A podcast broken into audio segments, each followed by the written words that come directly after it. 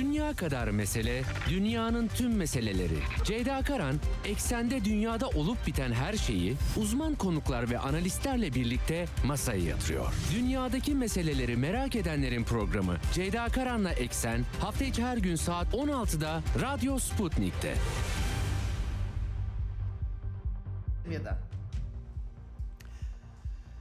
Evet Eksen'den e, iyi günler efendim. Bugün 10 Kasım 2022 günlerden Perşembe. Dünyadan haberlerle karşınızdayız.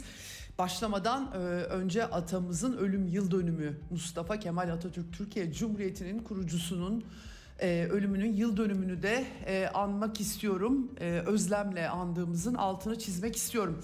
Evet dünyada resim parlak gözükmüyor. Gerçekten çatışmacı bir ortama girildi Ukrayna e, iç savaşının sonucunda gelen gelinen nokta ile. Dün çok kritik gelişmeler yaşandı. Ee, Eksen'in saati el vermedi. O saatten beri de çalışıyorum, e, anlamaya çalışıyorum gelişmeleri. Bugün size aktarmaya e, çalışacağım. Aslında her gün özetlerde kısmen yer vermiştik Amerikan medyasında. Ee, geçtiğimiz haftadan bu yana e, Ukrayna çatışmasında müzakereli çözüme e, teşvik ettiği yolunda Biden yönetiminin haberler yer almıştı. Çok muğlaktı, müthiş kafa karışıklıkları ortaya çıkmıştı. Tabii bir süredir Herson cephesine aktarıyorum size gelişmeleri Herson cephesinden e, savunma hatlarının sağlamlaştırıldığı son dönemde biliniyordu. Ancak Dnieper Nehri e, ve özellikle orada bulunan barajın e, vurulması ki en son hedef olmuştu aktarmıştım size. E, insani açıdan sivillerin tahliyesini gerektirmişti. Tahliye tamamlanmıştı ve dün alınan kararla e, Rusya Federasyonu ordusunun Sergey Shoigu'nun e, Ukrayna güçleri komutanı ile yaptığı Surovikin'le yaptığı görüşmede e, geri çekme kararı alındı e, batı yakasından nehrin batı yakasına aslında kentten demek gerekiyor Herson Oblast'ının e, kuzey batı bölümlerinden. Tabii bu çok çok sayıda tartışma yarattı. E, hem e, askeri sahada durumu hem de e, d, d, e, olası müzakereler diyelim. İşin neresindeyiz? Kim ne söylüyor? Buradan ne çıkartmak lazım? Bugün bunlara bakacağım. Bugün programı ben e, tamamen e, size e, aktarımla geçireceğim veya yorum ve değerlendirmeyle geçireceğim. E, uluslararası planda ortaya atılan iddialar ve bunları nasıl ele almak gerektiğini söyleyeceğim. Tabii başka başlıklar da var aslında ilintili Çin'e yönelik Amerika'dan gelen mesajlar var. En son dün Gökün Göçmen'le konuşmuştuk. Çin lideri Xi Jinping e, ordunun savaşa hazırlıkla olmaya odaklanması mesajları vermişti. E, yine Amerika'da ara seçimler e, gerçi netleşmedi tahmin ettiğim gibi temsilciler meclisinde çok büyük olasılıkla cumhuriyetçiler çoğunluğu alacak ama demokratlar gayet iyi iş çıkartmış gibi gözüküyorlar. Son e, durumu aktaracağım. Biden dün akşam açıklama yaptı. Trump açıklama yapacak salı günü. Dolayısıyla dikkatler kısmen oraya çevrilmiş durumda. Avrupa aslında bildiğiniz gibi savaşçı tutumu devam ettiriyor Avrupalılar ve e, bu arada da içeride ekonomik açıdan büyük sıkıntılar, grevler Belçika'da, Yunanistan'da yine o başlıkları da e, aktaracağım e, sizlere. E, bunun dışında tabii Türk dış politikasından da e, Özbekistan'da Türk teşkilatları, e, e, Türk Devletleri Teşkilatı'nın zirvesi var. Cumhurbaşkanı oraya gitti açıklamalarla. E, buradan da yine e, notları aktarmaya çalışacağım. Şimdi başlamadan önce Ukrayna krizinde küresel anlamda nereye geldiğimizi e, e, izah etmeye, anlatmaya başlamadan önce frekanslarımızı yine tekrar edelim. İstanbul'dan 97.8, Ankara'dan 96.2, İzmir'den 91, Bursa'dan 101.4 ve Kocaeli'den 90.2 karasal yayınlarımızı buradan dinleyebilirsiniz. Sputnik'in web sitesi üzerinde kulaklığı tıklarsanız rahatlıkla Türkiye'nin her yerinden bizi dinleyebilirsiniz. Telegram hesabının linkini paylaştım. Radyo Sputnik'e katılmanız, ekseni izlemeniz için kafi her yerden. Tabi batıda yasaklıyorlar oradan biraz zor oluyor ama en azından Türkiye'den izlenebiliyor diyelim. Başlayalım eksene.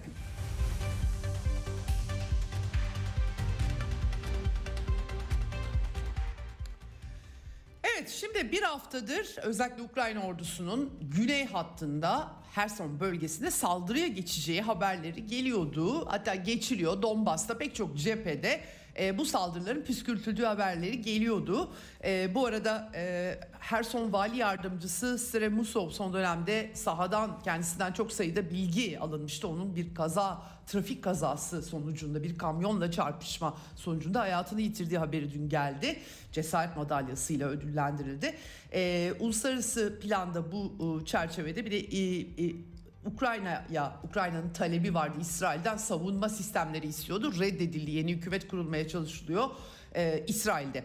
İsveç'te de e, soruşturma yaptılar. Kuzey Akım 2 hatlarını kim vurdu? Fail belli aslında ama İsveç Dışişleri Bakanı demiş ki e, fail bilinmiyor bilinmediği için bu sayede spekülasyon olmayacak gerçekten enteresan bir bakış açısı Böyle bir resim. Dün e, şimdi tabii e, Herson bölgesi bütün dikkatler aslında başka çatışma alanları da vardı. Donetsk'in batısında oralardaki Ukrayna saldırıları e, Donetsk güçleri Rusya güçleri tarafından da müttefikleriyle birlikte püskürtülmüştü. Dün e, aslında bir parça beklenen oldu. Ben size e, Herson e, kentin ve civar bölgelerde e, Karkovka barajının vurulması nedeniyle ortalığın sular seller götürmesi bütün hat savunma hatlarının sular altında kalması tabii siviller e, öncelikli olarak tahliye edildiğini ve tahliyenin tamamlandığını aktarmıştım e, sizlere. Pek çok bölgede saldırılar püskürtüldü. Tahliye Herson e, bölgesinde de yaklaşık verilen bilgiye göre 115 bin sivil tahliye edildi ve dün Sergey Shoigu'nun ziyareti sırasında komutan e, e, Ukrayna e, orduları e, bölgesiyle ilgili e, başkomutan Srovik'in açıklamalar yaptı. Raporunu sundu, tavsiyeleri sundu. Şimdi tabii ki Amerika'nın e, en son bir takım diplomasi hamleleri e, de olduğu belirtiliyor. Çok karışık kafaları karıştıran hepimiz için bir görüntü e, oluşturuyor. Önce Srovik'in görüşmesine e, bakmak lazım Sergey Shoigu'yla. Canlı da yayınlandı bu televizyonlardan. Ee, Rusya güçlerinin komutanı e, Kiev'in e, özellikle sivilleri e, hedef alan saldırılarda bulunduğunu e, söyledi. E, Herson kentinden çıkma e, kararını tavsiye ettiğini söyledi. Başarıyla direniliyor ama sivil nüfus tehlikede e, dedi. E, e, Kakovka, Kahovka pardon yanlış ifade etmeyeyim. Kahovka barajına saldırılara işaret etti. En son kapısı hedef alınmıştı. O barajın taşması gerçekten çok büyük bir bölgenin sur altında kalması tehlikesi yaratıyor. Hatta Rusya'nın vurduğu iddiaları da komik bir biçimde ortaya atılmıştı. Kendi hatlarını e, hatlarına zarar verecek ve sivillere e, orada yaşayan Rus asıllı sivillere zarar verecek bir yeri neden vursun diye de soranlar olmuştu. Ukrayna sahası biraz böyle oluyor biliyorsunuz. Şimdi e, buradan e, güçlü bir saldırı gelmesi halinde e, Dinyeper'in e, sağ kıyısında sağ tarafında konuştu güçlerin de tehdit e, altında kalacağını söyledi. Çok güç bir karar olduğunu biliyorum ama ee, önemli bir şey sağlanacak. Askerimizin hayatı, birliklerimizin savaşma kapasitesi korunacak dedi sivillerin tahliyesiyle ilgili. E, özellikle her sondaki kayıpların daha fazla olduğunu da ekledi. Tabii e, bugün itibariyle her sondaki birliklerin çekilme manevralarının başlatıldığı bilgileri geliyor. Bu hamle e, askeri olarak da büyük tartışma yarattı. Operasyonel açıdan da e, sonuçları olacağı söyleniyor. Ama operasyonel olarak sağlam gibi gözüküyor. Çünkü gereksiz bir biçimde oradaki sivillerin e, perişan olmasının yanı sıra askeri güçlerinde zarar görmesi söz konusu olabilir. E, önemli olan nokta Nikolaev ve Odessa hattıyla ilgili. Çünkü e, Herson'un kentini kentinden bahsediyoruz. Feribotlarla geçiliyor karşı karşıya. Bunun e, perde arkasında diğer cephe hatları tabii e, daha sağlam tutulması gerektiği anlaşılıyor e, Ukraynalı e, banderistlerin oralara yüklenme riski olduğu anlaşılıyor. Askeri cephede böyle bir karar zor bir karar alındığı ama bunun askeri taktik açıdan gerekli olduğu e, vurguları yapılıyor. E, bu kararı kaçılmaz olarak e, dış e, e, dış Amerika'nın bu yürüttüğü Ukrayna diplomasisinde yeni bir takım hamlelerin eşlik ettiği değerlendirmeleri var. Neden? Ee, Dışişleri Sözcüsü, Bakanlığı Sözcüsü Maria Zaharova'nın e, tekrarlaması aslında ben de size aktarıyorum her gün e, müzakereden Rusya'nın Ukrayna ile vazgeçmediği vurgusu gerçekleri göz önünde bulundurarak müzakere edecek vurgusu çok dikkat çekici oldu herkes için Amerika ile de diyaloğa açık olduklarını e, e, yeniden tekrarladı. Vietnam ve Afganistan'daki aşağılayıcı yenilgisine atıf yaptı, yaptı Amerika'nın. Ee, Ukrayna'daki çalışmaya daha fazla müdahil olmasının yararsızlığını vurguladı. Bu e, önemli hakikaten. Başka unsurlar da var. Start görüşmeleri, işte tahıl anlaşması BM ile 11 Kasım'da oturacaklar ama burada önemli olan e, bu vurgu önemli çünkü Amerikan tarafından sızan bilgiler Amerikan yönetiminin son dönemde e, Ukrayna sahasına inmeye doğrudan cepheden bir savaşa yol açacak biçimde inmeyi inme mesajları vermesine e, eşlik ediyor. Jake Sullivan ulusal güvenlik danışmanı kendisini biz Suriye'de El-Kaide bizim yanımızda e, başlıklı bir konulu bir mail atmasıyla tanıyoruz. Hillary Clinton'a vaktiyle danışmanlığını yürütürken. İşte o Kiev'i ziyaret etmişti ben de aktardım size ve gizli temaslarda bulunulduğu aynı zamanda Rusya liderliğiyle haberleri iddiaları düşmüştü Wall Street Journal e, gazetesine. E, burada e, bir yandan ikili bir oyun yani Kiev yönetimini ya biraz müzakereye açıkmış gibi yap çünkü hiçbir şey konuşmam e, Moskova ile Putin yönetimiyle diyorsun dediği söyleniyor. Ee, ve e, diğer yandan da her sona saldırın diye de teşvik ettiği söyleniyor. İkili bir oyun aslında cici görünmek, müzakereye açık olmak ve aynı zamanda da saldırmak. Dolayısıyla böyle bir zamanlamaya denk geldi her sonla ilgili alınan karar. Hatta Ukrayna güçlerinin e, yönetiminin daha doğrusu çok da inanmadığı e, açıklamalar düştüdür. Onu da e, arada söyleyeyim. E, Mihail Podolyak örneğin e, şehire takviyeler var. Bu e, e, bu topraklardan çekilmiyor Rusya gibi iddialarda bulundu. Yine Güney Bölgesi Operasyon Komutanlığı sözcüsü sahnelenmiş bir şov iddiasında bulundu. E, bilgi psikolojik operasyon her her taşın altına bakacakmış gibi bir halleri var Herson kenti e, bağlamında. Ama sonuç itibariyle Kiev yönetimine yönelik bir hamle, Amerika'nın bir hamlesi olduğu anlaşılıyor burada. Mahiyetinin de aslında çelişkili durduğunu söylemek gerekiyor. Ee, bir demokrat bir de cumhuriyetçi e, senatörle beraber gittiğini sonradan gördüm burada ben. Ee, e, bir şekilde Hersov kentini e, Ukrayna tarafının alması Dinyeper Irmağı'nın bir sınır teşkil edecek bir barış mı zorlanıyor iddiaları soruları ortaya e, atılıyor. Bunun öncesindeki siyasi resmi belki kavramak önemli. Amerika'nın 101. Hava İndirme Birliği'niz 2. Dünya Savaşı'ndan sonra ilk defa Avrupa'ya sevk ettiği haberleri düşmüştü. Nükleer denizaltısı Akdeniz'den içeri girdi Amerika'nın e, son bu operasyonun başından beri Avrupa'ya yığına yaklaşık 40 bin askerden bahsediliyor.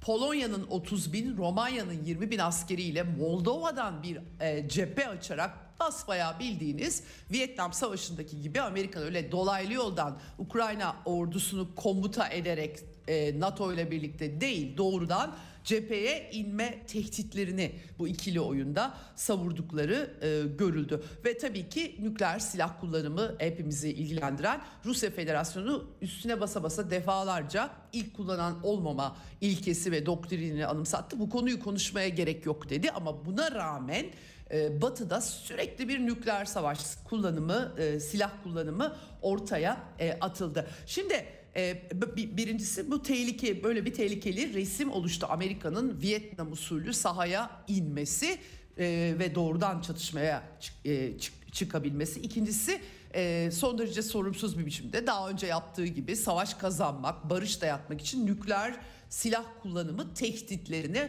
sürekli olarak gündemde tutması. Ee, Ukrayna cephesinde son durum açıkçası o kadar parlak değildi biliyorsunuz. Ee, Kerç Köprüsü'nün vurulması sonrası enerji altyapısı 8 ay sonra ilk defa hedef alındı. Yaklaşık 3 milyon insanı Kiev'den tahliyeden bahsediliyor. E, toplamda Avrupa'ya 6-7 milyon milyon sığınmacı gitmesinden bahsediliyor. Bu arada Ukrayna genel seferberlik ilan ediyor. Nasıl olacak genel seferberlik? Dolayısıyla Ukrayna açısından resim müthiş kaza, kazanılmış bir resim ortada yok. E, siyaseten tabii ki arkalarında ve askeri olarak da NATO'nun olduğunu biliyoruz. Avrupa'nın da sıkışacağı bir resim olduğunu biliyoruz. E, ve burada bir takım güçlerin Vatikan dahil olmak üzere devreye girdiğini biliyoruz. Rusya Federasyonu'nun hakikaten bu çatışmanın başından beri benim en çok dikkatimi çeken stratejik sabrı, ya sınırsızmış gibi gözüken bir stratejik sabırla 8 yıldır devam eden bir iç savaşta e, mecbur e, kaldıktan sonra Ukrayna saldırıları e, geleceği zaten eli kulağındaydı ve e, ABD ve NATO'ya iki taslak güvenliğin bölünmezliği anlaşmaları sunulmuştur. Reddedildi bu anlaşmalar ve Donbas'a saldırı yapılacağını herkes biliyordu aslında. Böyle bir koşullarda önce Kiev e, bir şekilde her adımda aslında Ukrayna yönetimini İstanbul'da Mart ayında e, taslaklar bile sundular. Her adımda bir uzlaşma arandığı açık bu 8-9 aylık süre içerisinde. Şimdi kış yaklaşıyor koşullar ortada. E, o bölgedeki işte çamura saplanma diye ifade ediliyor. Bir çalışmanın dondurulacağı e, en azından yer donana kadar diyelim bir e, zemin bu konuda Sovyetler Birliği 2. Dünya Savaşı'nda e, bugün neo-nazi e, banderist bir yönetim olabilir. İkinci Dünya Savaşı'nda da Nazilerle mücadele tarihi var askeri açıdan. Dolayısıyla e, bir yanda böyle askeri cephede böyle bir resim var. Diğer yanda ise siyasi cephede Amerikan yönetiminin ikili oyunda bir şeyler yapmaya soyunması gözüküyor açıkçası. E, bu çatışmanın doğasında dolayısıyla makro ve mikro e, düzlemleri unutmamak lazım. Yani Ukrayna sahasında Donbas, Ukrayna'nın Rusları aslında Sovyetler Birliği'nden kalma çözümsüz mesele ve orada giderek ağırlık kazanan banderist bir rejim, 2014 darbesi vesaire ve artık 8 yıl sonra Minsk anlaşmaları da gömülmüşken gelen müdahale. Makro düzeyde ise tabii ki Batı'nın verdiği tepkiler, hegemonya yitimi, Batı sistemi, Batı merkezli 30 yıldır Sovyetler Birliği'nin çöküşünden bu yana sürekli NATO ile genişleme halinde bir e, Batı yapısı. E, ama bütün dünya bu Ukrayna krizinde şunu gördü. Amerikan yönetimi e, öncülük ettiği e, Batı'nın aslında son derece küstah bir biçimde kurallara dayalı diye düzen diyerek kendi kurallarını dayattığı bir düzenden bahsediyoruz ve buna da bir ufak çaplı isyan tetiklenmiş gözüküyor. Birleşmiş Milletler'deki oylamalarda özellikle Çin, Hindistan, Brezilya gibi büyük nüfusları temsil eden ülkelerde görülmüştü. Ee, aslında Batı'nın arkasından gidilmemesi, yaptırımların delinmesi hatta Avrupa'nın kendi içerisinde yaptırımların e, delinmesi. Dolayısıyla bir makro düzeyde çok e, kutupluluk mücadelesi var. Nasıl sonuçlanacak bilmiyoruz. Bu savaşın sonucunu da bilemediğimiz gibi ama bu tespiti rahatlıkla yapabiliriz. E, her son çek kararı e, askeri düzeyde çok eleştirilse de bunun doğru olduğunu söyleyenler olduğunun altını çizelim. Siyasi düzeyde de aslında bundan sonra belki gelecek adımlara bakmak gerekiyor. Biz Endonezya'da en yakın Bali'de 15-16 Kasım'da G20 zirvesi var. Ee, en son e, dün itibariyle artık netleşti. Rusya lideri gitmeyecek. Sergey Lavrov temsil edecek. Orada Lavrov e, Türkiye ile gaz e, işbirliğini genişletmek gibi e, tahıl aynı şekilde bu teklifleri getirecekmiş e, açıklamalara bakılırsa aynı zamanda bütün dünyaya diğer e, ülkelere de e, gübre ve tahıl sevk etmekten bahsedilecek. E, dizi bu, bu zirvenin e, perde arkasında pek çok temas olacağı anlaşılıyor. Ama Joe Biden'la Putin'in buluşması mümkün olmayacak çünkü Rusya lideri gitmeyecek. Belki video mesaj yayınlayabilirmiş o notu aktarmak istiyorum. E, ve e, tabii perde arkasında nasıl görüşmeler yapılacak ona da bakmak gerekiyor. Tabii bütün bunların bu resmin buradan bir anlaşma çıkacağı çıkabileceği ya da çatışmanın dondurulmasının olabileceğini iddia edenler var. Bunu görmek için biraz beklemek gerekiyor elbette ama tabii ki Rusya'daki siyasi duruma da etkileri olacak. Amerika'nın e, ben barış istediği kanaatinde değilim doğrusu. Dünyaya satılabilecek bir şeyler çıkartılabilir mi? Çıkartabilir mi Amerikan yönetimi? E, e, özellikle de bir takım isyan halleri ortaya çıkmışken yani en son Hindistan'ın savunma e, e, bakanının e, sözlerini bu bağlamda hatırlatmak istiyorum. Bazı ülkelerin diğerlerinden üstün olduğu bir dünya düzenini kabul etmiyoruz. Güvenlikte kolektif bir şey olmalı vurgusu yaptı kendisi. Yani şu an böyle bir e, en azından siyasi resim var. Artı BRICS genişliyor. 12 ülkenin daha katılımı söz konusu. E, sancılı bir süreçten geçildiği anlaşılıyor. Böylesi bir süreçte Ukrayna çatışmasının dondurulması mümkün mü? Soru bu. Tabii e, mümkün olup olmadığını biraz karşı tarafın tepkilerine de bakarak anlayabileceğiz. Amerika'da e, Mark Milley Genelkurmay Başkanı e, haftalar alabilir bu çekilme gibi bir marj bırakmış ama e, barış anlaşması içinde kış koşullarının CNN'e konuşmuş bir e, fırsat penceresi oluşturduğunu söylemiş. E, biraz uçmuş tabii yüzer biner kayıplar var e, gibi cümleler kuruyor ama sonuç itibariyle e, böyle bizzat Mark Milley'den e, böyle ifadeler diyoruz. Çok e, alışkın olduğumuz bir şey tabii daha tam tersi tehditlerde de bulunabiliyor. Örneğin Çin'e yönelik Tayvan'la ilgili yine aynı konuşmasında tehditte savurmuş durumda. Ama e, en son Biden yönetimi bir de Ukrayna'ya özel bu yeni tipte kartal dronları diyorlar daha uzun mesafeli hedefleri vurabilen onların verilmesini reddetmiş. Yani bir müzakere sinyali e, çakılıyor gibi bir görünüm e, oluşuyor. Her sonda alınan bu karar bu sürecin sonucunda bir şeye hizmet eder bir bir anlaşma bir, bir nevi anlaşmaya hizmet eder mi? Bunu görmemiz gerekecek. E, tabii Amerikan medyası e, Afganistan'dan e, çekilmeyi çekilme olarak İngilizcesi withdrawn olarak aktarmışken yenilgi diye iddialarda bulunuyor. Alışkın o, olduğumuz bir şey onların e, böyle e, nitelemeleri. E, Amerika'nın nükleer mühimmatının e, başındaki amiral Charles Richard'ın bu arada. E, şöyle cümleler var bakın ne kadar sorumsuz konuşabiliyorlar. Ukrayna'daki savaş daha büyük bir savaşın muhtemelen Çin'e karşı savaşın açılışı olabilir diye vurgular yapmış. Tabii bunu e, dengeliyorlar. Biden G20'de ben Xi Jinping'le Çin lideriyle de görüşürüm vesaire diyor ama e, bir şekilde Amerika'nın e, Ukrayna üzerinden Rusya'yı sürekli provoke eden tavrının ardından Çin'e karşı da Tayvan provokasyonunu yoğunlaştırdığını söylemek mümkün. Bunu e, buna artık bu kongre ara seçimleri birazdan aktaracağım. Sonrasında bir dengeleme yapabilirler mi? E, çok emin değilim doğrusunu söylemek gerekirse Amerika'da böyle bir şey yapılabileceğine.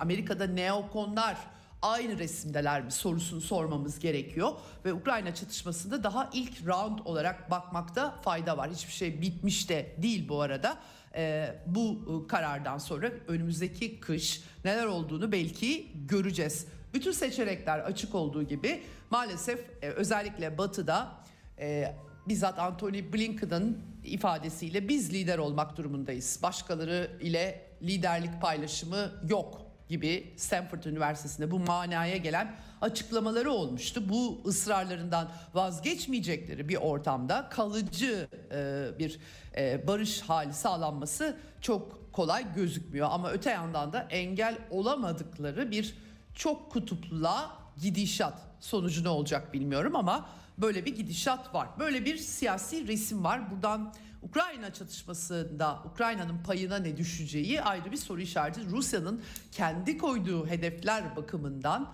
e, ayrıca tabii ki bütün bu e, olup bitenleri gelişmeleri de değerlendireceği bir siyasi ortam oluşacağı da açık. Ama e, şu noktada Ukrayna çatışmasının Ukrayna'da NATO ve Amerika Birleşik Devletleri yani NATO'nun bütün üyelerinin katkılarıyla sevk edilen e, e, bir yapının e, Buradan neyle çıkacağı bir devletlilik halinin e, eskisi gibi kalamayacağı aşikar ama bu noktada dondurulmasının bir de o cepheye kabul ettirilmesi gibi bir sorun var. Hiçbir şey bitmedi şu anda. E, buradan sonra ne olacağını hep beraber e, takip edeceğiz efendim. E, biraz daha sabretmek, bir bu karışıklığı belki arka plandaki siyasi e, çerçeve ve mesajlarla beraber okumaya çalışmak gerekiyor. Evet şimdi Amerika'da ara seçimlerinde tabii demokratlar cumhuriyetçileri tarafından e, büyük yenilgiye uğratılacağı bekleniyordu. E, ya da en azından cumhuriyetçi kanat öyle diyordu. E, biraz ortasında bir şey çıkmış gözüküyor. Henüz de netleşmedi ama istedikleri arzu ettikleri sonuçları tam da elde edememiş gözüküyorlar. Daha birkaç eyalette durumlar belli değil. O yüzden tam rakamlar net değil ama Senato zaten Georgia eyaletinde 6 Aralık'ta yapılacak. Hep Georgia kritik bir eyalet ikinci tura kalmış durumda. Onun sonucu işleri belirleyecek. 50'ye 50 100 üyeli bir de başkan yardımcısının oyu oluyor. O da Kamala Harris demokratlarda. Temsilciler Meclisi'nde çoğunu büyük olasılıkla Cumhuriyetçiler alacak deniyor ama henüz 184'e ben de rakamları bu arada kimse doğru düzgün vermiyor. 184'e 207. 218 sandalye gerekiyor çoğunluk kontrolü için. Büyük olasılıkla çıkacak ama çok yakın bazı yerlerde Ee, en azından öyle söyleniyor büyük olasılıkla. Cumhuriyetçiler çoğunluğu elde edecek deniliyor. Onu beraber göreceğiz ama kırmızı dalga geliyor diyorlardı. Cumhuriyetçilerin sembolü, e, renk sembolü kırmızı. E, demokratların mavi. Kırmızı dalga gelmemiş gözüküyor. Dolayısıyla Amerikan e, liberal medyası çok mutlu mutluluktan uçuyorlar adeta. E, Mehmet Öz bu arada e, Türk asıllı doktor kaybetmişti e, seçimleri. E, rakibine tebrik etmiş kendisi.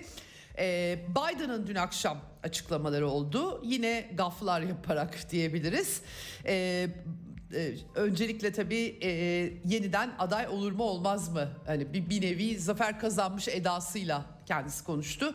79 yaşında 2024'te yeniden başkan olabilir mi olacak mısınız diye sordular değerlendirecekmiş bu, bu durumu öyle diyor ısrarlı e, açıkçası şeyi yok e, ayarı yok yani kendisinin çünkü aynı zamanda e, bütün bunları değerlendirirken diyor ki e, her sondan Rusya'nın her sondan çekilme kararı ile ilgili Felluce'yi e, Felluce'den çekilecek diye laf karıştırmış. Hakikaten kendi işgal günlerini herhalde hatırlamış. Şimdi Amerika'da sonuç itibariyle dikkatler Trump'a çevrildi böylesi bir e, iklimde. Bu henüz netleşmemiş sorunlarla, e, sonuçlarla ortaya çıkan e, resimde Trump ne yapacak? Salı günü açıklama yapacak. 2024 için adaylığını açıklamakta ısrarlı olduğu söyleniyor. Bilemiyoruz, göreceğiz. Ama öte yandan da aday seçiminde e, e, yakınlarına eşi Melania'ya de e, kızgınmış. E, kendisine verdikleri tavsiyelerden kaynaklanıyor bu. Amerikan medyası e, Trump günlerini anımsayıp çok sayıda dedikodu, söyle, söylenti her şeye yer vermiş ya da iddialar diyelim. E, sözcüsü yalanlıyor. Hayır e, sandıktan galibiyet aldı, galibiyetle çıkıldı diyor ama göreceğiz. Salı günü yaptı, yapacağı açıklamaya dikkatler çevrilmiş durumda. Amerika'da bu arada e, Tennessee eyaletinde kölelik yasaklanmış. Çok geç kalmışlar. Biraz fazla geç kalmışlar ama. %79.54 oranıyla kabul edilmiş. Çeşitli suçlardan hüküm giyenlerin ceza biçimi olarak kölelik ve istemsiz kulluk hala geçerliymiş demek ki. Amerika'daki ırkçılığın modern boyutlarının e, bu veçesini doğrusu ben bilmiyordum e, kölelik hikayesinin hala geçerli olduğunu ben de öğrenmiş oldum bu sayede. Evet e, Twitter'dan e, bu arada Amerikan seçimlerinde de Elon Musk'ın Twitter alması çok tartışılmıştı. E, hesapları resmi, official İngilizce bir etiket takılacağı söyleniyordu ama saatler sonra Elon Musk vazgeçmiş. Pek çok aptalca şey de yapacağız demiş. Kendi kendine itiraf ediyor aslında. Ee, göreceğiz Twitter'ın Twitter'daki tuhaf sarsıntı ve e, tabii eskisi eskisi çok beterdi. Liberal liberal faşizm Twitter'a hakim olmuştu. Ee, Trump'tan e, intikamını bütün dünyadan intikama çevirmişti Amerikalılar. Elon Musk kimileri için umut oldu bu anlamda. Kimileri de bir şeyin Elon Musk'la da çok da değişmeyeceğini dile getiriyorlardı zaten. E, dolayısıyla bir deneme tahtasına dönmüş gözüküyor. Hep beraber göreceğiz tabii Twitter'da bir yaşam alanı haline geldi maalesef. Evet e, Rusya Güvenlik Konseyi Sekreteri Nikolay Patrushev İran'ı ziyaret etmişti. Dün aktarmıştım. E, mevkidaşı Ali Şamhani ile görüştü. Özellikle tabii İran'da kadınların giyim kodları üzerinden başlayan protestolar bir silahla ayaklanmaya çevrilmiş durumda. E, dolayısıyla İran'ın da e, aynı zamanda kendi içerisinde İranlılar e, protestocuların haklılığından da bahsetseler de iş tabii ki silahla ayaklanmaya dönüşünce devletler için her devlet için farklı bir boyut kazanmaya başlıyor iş. Patrushev de batılı istihbarat servislerinin İran'daki protestolarda aktif rol oynadığı görüşünü e, paylaşmış. E, bu konu İran tarafından da dile getiriliyordu. Dün e, gündeme düşen tartışmalardan bir tanesi tabii e, İran Meclisi'nin e, protestoculara idam cezası uygulanması çağrısı yaptığı iddiaları oldu. İddia diyorum çünkü yok böyle bir şey. Ama e, bir ceza çağrısı var. Sosyal medya e, hikayesi bu yüzden önemli tabii. E, şimdi e, 15 bin e, kişi suçlanıyor deniliyor. 15 bin kişiyi asacaklar diye bütün sosyal medyada haberler uçuştu. İran Meclisi ise yargıya çağrı içeren açıklamasında şöyle bir ifade e, kullanılıyor. E, protestolarda IŞİD'in militanları gibi silaha başvurup cana ve mala kast edenlere ağır cezalar verin diyor İran yargısına. Bu idam cezası verin şeklinde yansıtıldı tabii ki. İran'la ilgili çok şey de aslında pek çok ülkeyle ilgili pek çok şey böyle yansıtılabiliyor. E, tabii bu yaptıkları çağrı da açıkçası çok hoş bir çağrı değil ama İran'da da e, artık bu iş silahlı ayaklanmaya açık bir biçimde dökülmüş durumda. Özellikle Kürdistan ve Belucistan burada dikkat çekiyor. Etnik bir çatışma tetikleniyor. E, o anlaşılıyor. Bayağı bildiğiniz suikast, suikastlerle bir takım insanlar öldürülüyorlar. Yani infazlar yapılıyor. Dolayısıyla da bu koşullarda büyük olasılıkla ve maalesef e, bir iç savaş tetiklenmeye çalışıldığı zaman o zaman devlet organizmasının e, gücünü daha da yumruğunun daha da sertleştiğini görüyoruz. Burada da öyle bir şey olacakmış gibi bir e, resim e, var ortada tabii ki. Yargı erkinin sözcüsü açıklama yapmış. 1024 kişi hakkında iddianame hazırlandı demiş. Kaç öğrenci, öğretmen, gençler de var tabii ki burada. Bir avuç kişi tutuklandı demiş ama yani hiçbir rakam filan da vermemiş. Hakikaten e, İran için çok üzücü diyelim İran halkı için e, üzücü e, bir sonuç. Buradan e, bir kadın devrimi çıkacağını ben açıkçası düşünmüyorum. E, daha çok bir iç savaş çıkabilir ama insanların daha fazla öldüğü bir şey olabilir. E, mesele kadın devrimi miydi? Ondan da çok emin değilim. Gerçekten İran için çok büyük bir sorun. E, bu yapının da değişmesi gerektiği açık ama bu yolla olabileceğini doğrusu ben şahsen düşünmüyorum. İran bu arada Amerika, İsrail, Britanya ve Suudi Arabistan'a da sabrımız sona erebilir mesajı vermiş. İstihbarat Bakanı İsmail Habib demiş ki ülkede ölümlere yol açan olayları kışkırtıyorsunuz. Ee, böyle devam ederseniz stratejik sabır yani bir e, çatışma mı e, çıkacak buradan diye insanın aklına tabii ki düşüyor. Ve devrim muhafızları Hava Kuvvetleri Komutanı Hacızade de İran'ın hipersonik füze geliştirdiğini açıklamış. Son dönemde bu İHA, SİHA hikayeleri Ukrayna üzerinden krizi üzerinden tartışılmıştı. İran bayağı teknolojisini geliştirmiş gözüküyor ama hipersonik sistem Batı'nın elinde de yok bildiğim kadarıyla. Belki deneniyordur. Ee, Rusya'da var onu biliyoruz. Ee, enteresan bir biçimde İran'da böyle bir şey de belki olabilir. Britanya ordusu Afganistan'da en az 64 çocuğu öldürmüş efendim. Belgelenmiş bu. Ee, silahlı şiddete karşı eylem isimli bir İngiliz sivil toplum kuruluşu bilgi edinme yasası çerçevesinde öğrenmiş. 2006-2014 yıllarında 64 ile 135 arasında çocuk öldürürler. Onlar iyilik için öldürüyorlar. Hep öyle zannediyorlar. Gerçi 16 diye açıklamışlar ama rakam fazla tabii ki. E, tabii 2006-2014 e, Amerikan yönetimi e, geçen sene e, çok korkunç bir biçimde büyük bir hezimetle NATO ile birlikte Afganistan'dan çıktı. Onu da bir başarı gibi sunmaya çalıştılar ama sonuçlarından bir tanesi Taliban yönetiminin iş başına gelmesi oldu biliyoruz. Kadınların parklara ve luna parklara girmelerini yasaklamışlar efendim. Ayrı ayrı erkekler kadınlar ayırmaya çalışan maalesef işte Amerika'nın el attığı yerler böyle oluyor. Amerika'nın el attığı hiçbir şeyden demokrasi, insanlık, onur adına hiçbir düzgün bir sonuç çıkamıyor. Bunların en somut örneklerinden birisi tabii ki Afganistan kadınların luna parklara ve parklara girebilir. Biz onu yapmaya çalışıyoruz onun için girdik diyorlar ama her eylemlerinde hemen hepsinde büyük bir rezalet çıkıyor. Toplumlar dağılıyor, parçalanıyor. En radikal görüşler ağırlık kazanıyor ve sonunda bir faciaya dönüşüyor. Bu da onlardan bir tanesi. Evet şimdi biraz Avrupa'ya bakalım. Avrupalılar da Ukrayna'ya yeni yardım paketi üzerinde uzlaşmaya çalışıyorlar. Yaklaşık 18 milyar euroluk. Ama Macaristan taş koyuyor buna. Ee, bu çatışmaya itiraz ediyor açılan ekonomik savaşa biliyoruz. Ee, Avrupa Birliği de Macaristan'ı tehdit etmiş. 7,5 milyar euroluk fonunuzu vermeyiz size diye. Avrupa Birliği de e, böyle e, bir mekanizma zaten. Almanya'da 2023 resesyon beklendiği ekonomi bilirkişi kurulu tarafından açıklanmış. Gelecek yıl 0.2 daralacak ekonomi enerji krizi tabii ki bunun başında. E, girişte de söyledim ya İsveç Dışişleri Bakanı Almanya'nın bu arada Kuzey Akım 2 sivil hattı bayağı terör saldırısıyla onu ortadan kaldırdılar. Almanya gıkını bile çıkartamıyor o hatla ilgili olarak. Ondan sonra böyle enerji krizi yaşıyorlar. Tabii 1951'den bu yana en yüksek seviyede enflasyon %10'un üzerinde. Belçika'da sendikalar sokaklarda hayat pahalılığını protesto ediyorlar. Hastaneler dahil olmak üzere havaalanları, süpermarketler bazı yerlerde açılmamış vesaire. Son 47 yılın en büyük enflasyon oranları. Amerika çok başarılı gördüğünüz gibi Amerikan politikaları Avrupa'yı bu hale getirdi. Tabii kendi elitleri ve siyasi yöneticilerini asıl ilk başta herhalde onu sorumlu tutmak lazım.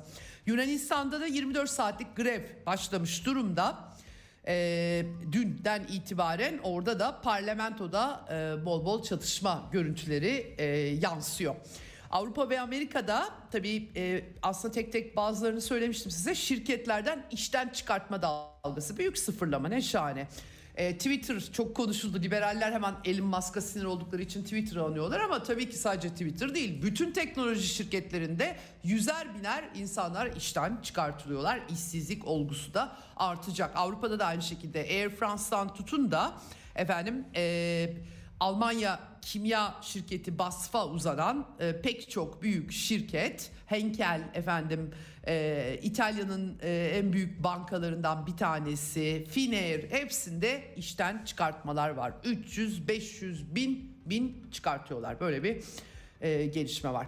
Libya'da e, Birleşmiş Milletler 2020 senesinde e, NATO ve Amerika Libya'yı böldükten sonra parçaladıktan sonra iki yapı oluştuktan sonra silah ambargosu e, Türkiye'nin de tabii müdahalesinin 2019'dan itibaren aslında daha önceye gidiyor da etkili olmuştu Libya'da taraflara silah gitmesin diye. Ee, İrini harekatı başlatılmıştı. Bu, bu çerçevede 11 Ekim'de Hollanda bayraklı bir ticari yük gemisinde çok sayıda zırhlı araç el koymuşlar efendim. Daha önce e, Türkiye'ye de bu yönde ithamlar ortaya atılmıştı. Diyeceksiniz tabii işte e, BM silah ambargosu 2292 kararı var BM'nin e, silah verilmesi taraflara e, kabul edilmiyor. Ama yani kim takıyor bunu o ayrı bir dava. Bir de e, zaten Birleşmiş Milletler'in eline herhangi bir ülke düştü mü zaten yandı, bitti. Oradan hiçbir şey çıkma olasılığı yok. 30 yılda bu hale getirdiler. Tabii Birleşmiş Milletler'in başında Kofi Annan gibi isimler de yok. Kaldı ki o bile engel olamamıştı Irak işgaline. Efendim İsveç Dışişleri Bakanı e, Tobias Billström ee, Ankara'ya resmi ziyarette bulunacakmış. Daha yeni başbakan geldi. Dün aktarmıştım size. Cumhurbaşkanı Erdoğan'la görüştü. Erdoğan da seçimler var. Bizim istediğimizi yapın dedi. NATO üyesi olmak istiyorsanız parlamentomuzdan onay almak istiyorsanız diye İsveçliler de yani ne istiyorsa Türkiye yapacağız diye açıklamalar arka arkaya e, yapıyorlar. Şimdi Dışişleri Bakanı gelecekmiş. O gelmeden Almanya Dışişleri Bakanı Annalena Baerbock'la görüşmüş ve hızlı ve sorunsuz biçimde NATO üyeliği için çalıştıklarını söylemiş. Pek hızlı olmadı Haziran'dan bu yana. E, iki ülke kaldı Macaristan ve Türkiye Batı için e, e, o kadar kolay e, olmayacağı anlaşılıyor. Bakalım belki bu yıl sonuna kadar da çözülebilir e, sorun ama e, anladığım kadarıyla bir takım iade listeleri de var. E, yüksek ali çıkarları için ilkelerini çiğnerler yine çok da sorun olacağını zannetmiyorum. Öne sürdükleri ilkeler. Cumhurbaşkanı da Özbekistan'a gitti. Türk Devletleri Teşkilatı'nın 9. zirvesi var.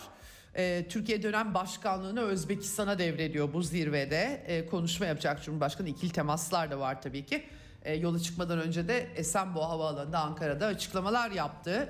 Rusya e, lideriyle e, lider siyaseti yaptıklarını söyledi. İşte tahıl krizinin çözümüne ikna etti. 18'inde bu arada e, 19 yıl itibariyle sona erebilir tahıl anlaşması. Bunun için Birleşmiş Milletler'le görüşmeler gerçekleştirilecek, başlayacak Cenevre'de yeni duyuruldu.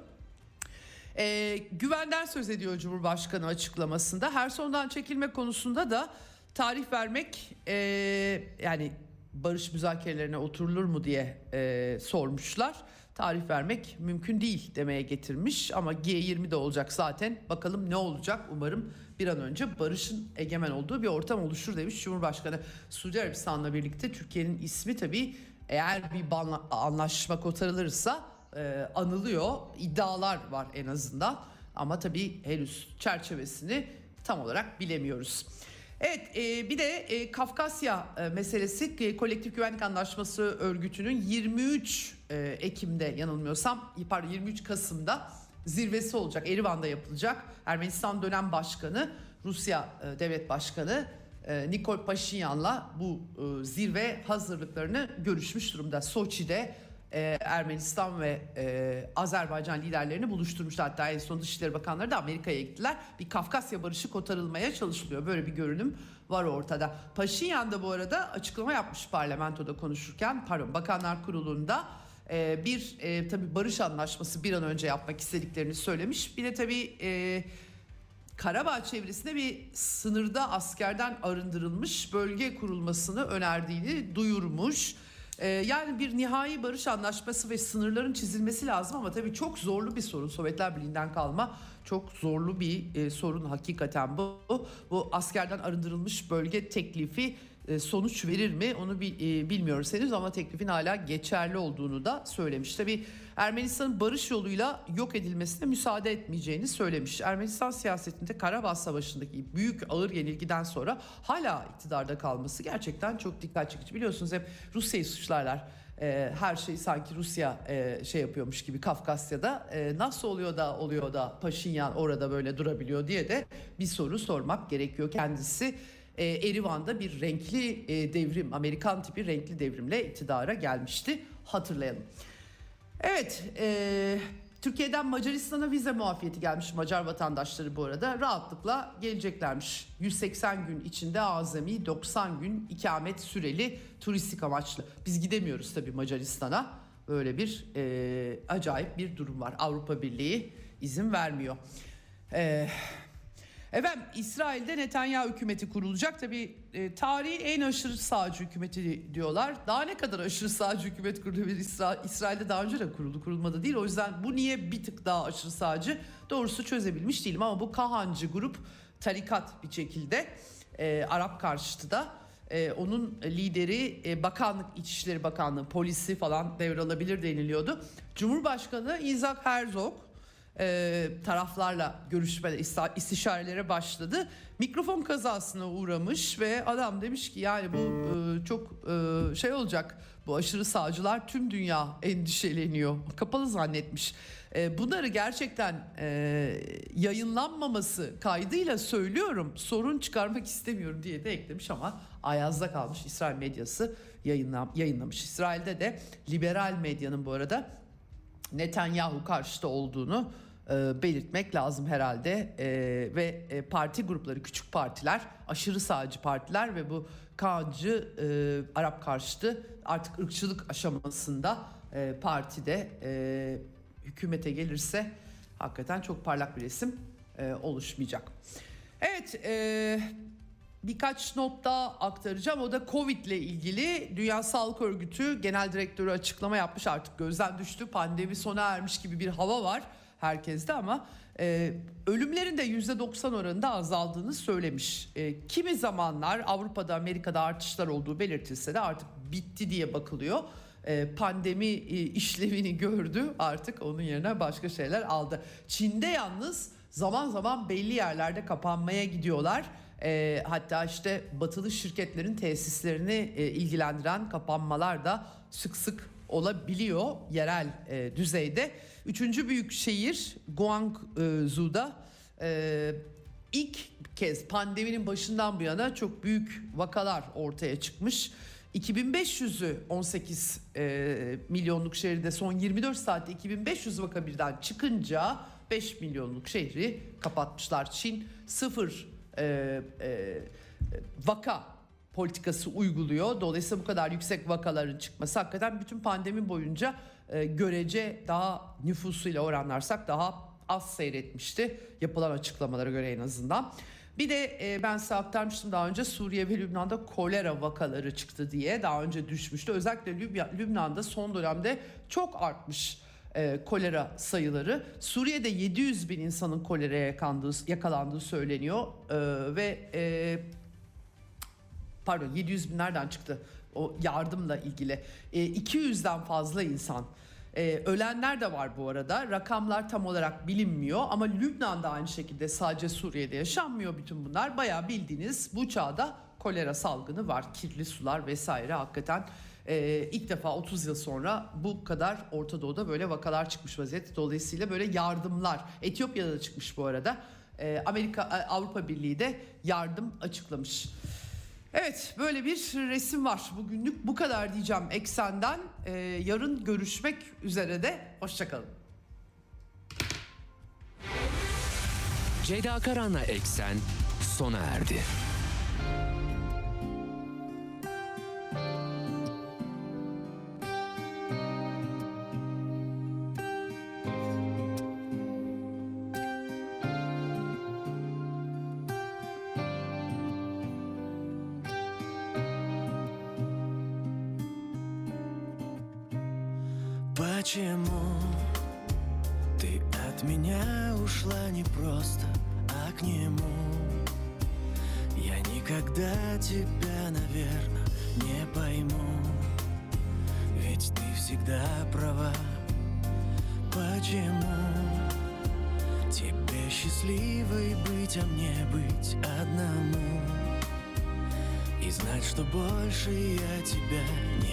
Обниму но я сам виноват. Почему ты не со мной? Почему? И зачем тебя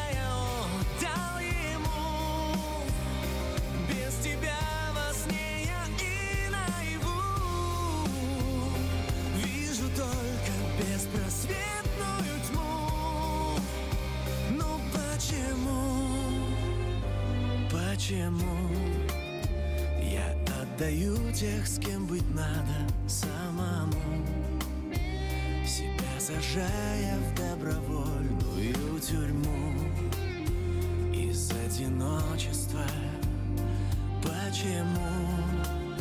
В разбитых чувствах я не верю никому.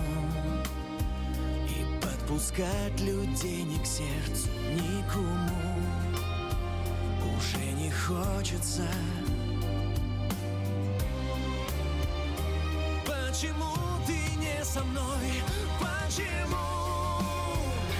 И зачем тебя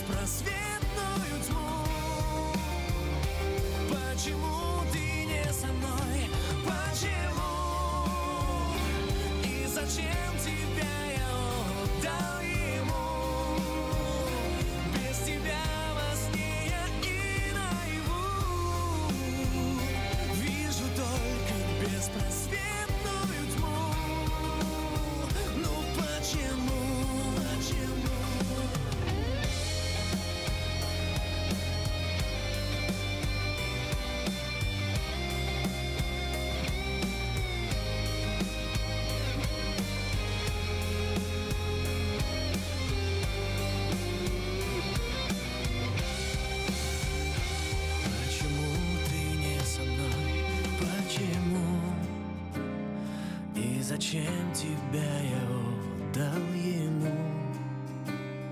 Без тебя во сне я и наяву Вижу только беспросветную тьму Почему ты не со мной? Почему?